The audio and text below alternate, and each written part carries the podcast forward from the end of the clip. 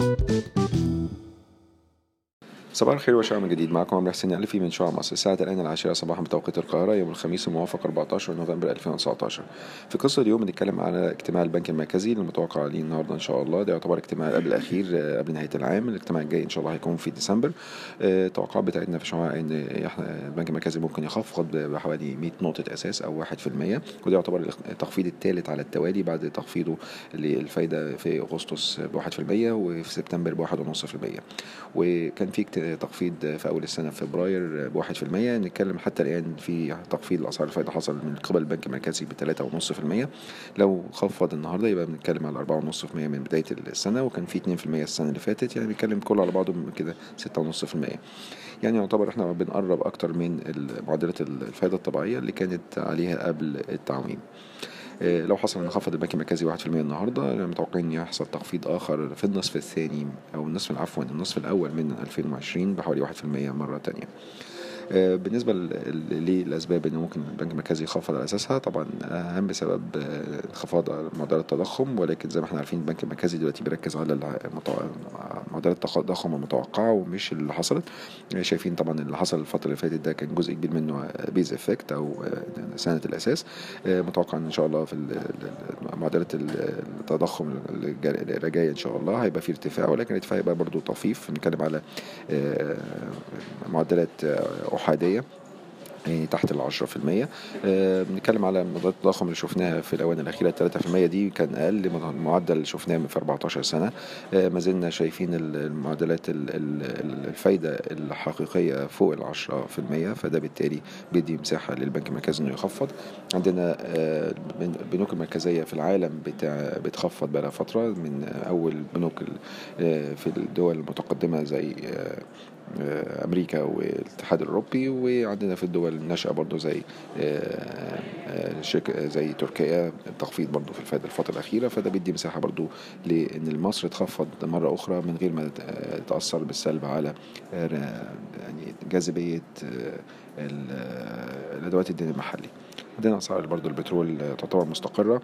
عندنا آه، بنك مركزي تاريخيا حتى لو بصينا من 10 سنين فاتوا كان آه، رفع الفايدة ست مرات متتالية وبعديها بسنة في 2009 آه، خفض الفايدة في ست مرات متتالية مرة أخرى. معنى أن البنك المركزي ممكن عادي يخفض ال- ال- الفايدة كذا مرة متتالية ورا بعض بتبين أن يكون الظروف مواتية. وإحنا شايفين الظروف مواتية للتخفيض النهاردة إن شاء الله. طبعا تخفيض أسعار الفايدة ده بيبقى إيجابي للشركات آه، واخدة exposure على الديون كتيرة عندها leverage عالية آه، بيبقى كويس لشركات القطاع المالي غير البنكي بيبقى كويس للاستثمار الأجنبي المباشر آه، إن هو بيجذب استثمار أجنبي لأن هم بيبقوا داخلين السوق المصري وعايزين يدخلوا السوق المصري بيحطوا فلوس من من من جيبهم زي ما نقول وفي نفس الوقت ياخد قروض من ال- البنوك وبالتالي ده ممكن برضه يبقى كويس جدا للبنوك إن هي آه، تزود معدلات الإقراض بتاعتها. آه، بنتكلم على إن ال- الفترة الأخيرة شفنا برضو آه، نتائج الأعمال. يمكن النهاردة نتائج الأعمال بتاعت مصرية اتصالات آه، في ظاهرة تبان إن هي في انخفاض في الأرباح لكن لو عملنا تعديل لبعض البنود المتكررة هنلاقي في ارتفاع في الأرباح. أسوأ الفروض لو قلنا الربع نتائج مصرية اتصالات بتعمل مليار جنيه في السنة يعني إنها بتعمل مل- 4 مليار في آه، عفوا مليار جنيه في الربع يعني لو بتعمل 4 مليار جنيه في السنة بتكلم عن مضاعف ربحية خمس مرات. فالسهم يعتبر رخيص جدا برضو خصوصا إن في ارتفاع في الإيرادات على كل القطاعات تقريبا آه، وهي من ضمنها القطاع المحمول. نتائج كريدي أجريكول برضو كانت آه، م- متوافقة مع توقعاتنا عملت آه، آه، 559 مليون جنيه أرباح متوقع توقعاتنا كانت 544 مليون جنيه أرباح. آه، شايفين ارتفاع معدل السعر ال- ال- الضريبة آه، الفعلي آه، يمكن ارتفع علشان كان ال- البنك خد exposure أكتر على أذون الخزانة آه، ولكن شايفين إن هو المعدلات الربحية بتاعته بترجع للمعدلات الطبيعية إن هي دلوقتي حوالي 36% معدل العائد على حقوق الملكية وده يعتبر أعلى معدل في قطاع البنوك.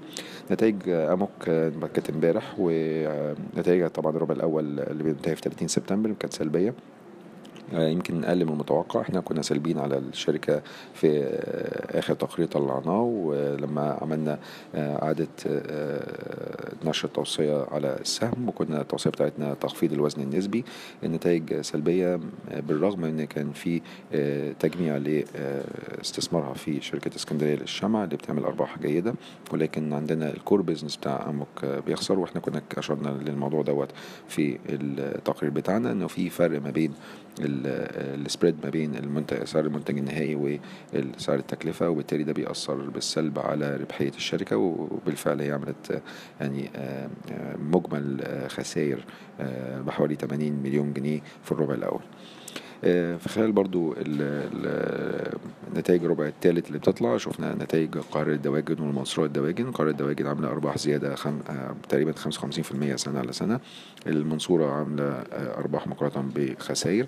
قطاع الدواجن في رأينا إن هو قطاع بيحصل فيه تحركات الفترة اللي فاتت. وشايفين النهاردة في أخبار إن شركة Cairo 3A بتستحوذ على 60% تقريبا من الأهرام للدواجن. Cairo 3A لما نفكركم هي كانت الشركة اللي اشترت 100% من شركة الوطنية لمنتجات الذرة. القطاع دوت بيحصل فيه اندماجات واستحواذات. وأعتقد يعني شراء Cairo 3A للأهرام للدواجن ده ممكن يبقى يعمل إعادة تسعير للأسهم الموجودة في السوق والاكثر سهم مشابه للأهرام للدواجن في رايي إن هو القاهرة للدواجن. برضو انخفاض أسعار الفايدة ده بيساعد على عمليه الاندماجات والاستحواذات فنتوقع إن شاء الله في 2020 إنه يكون في الثيم الأساسي بتاع السوق من يعني من أحد اهم الثيمات يعني بنتكلم على اندماجات واستحواذات بصورة كبيرة في 2020 تفاصيل أكتر موجودة في التقرير بتاعنا. شكرا لكم السلام عليكم ورحمة الله وبركاته.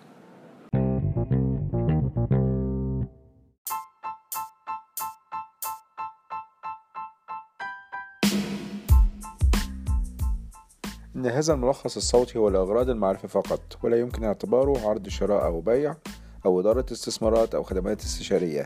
ينصح باستشارة مستشارك المالي قبل اتخاذ أي قرار استثماري.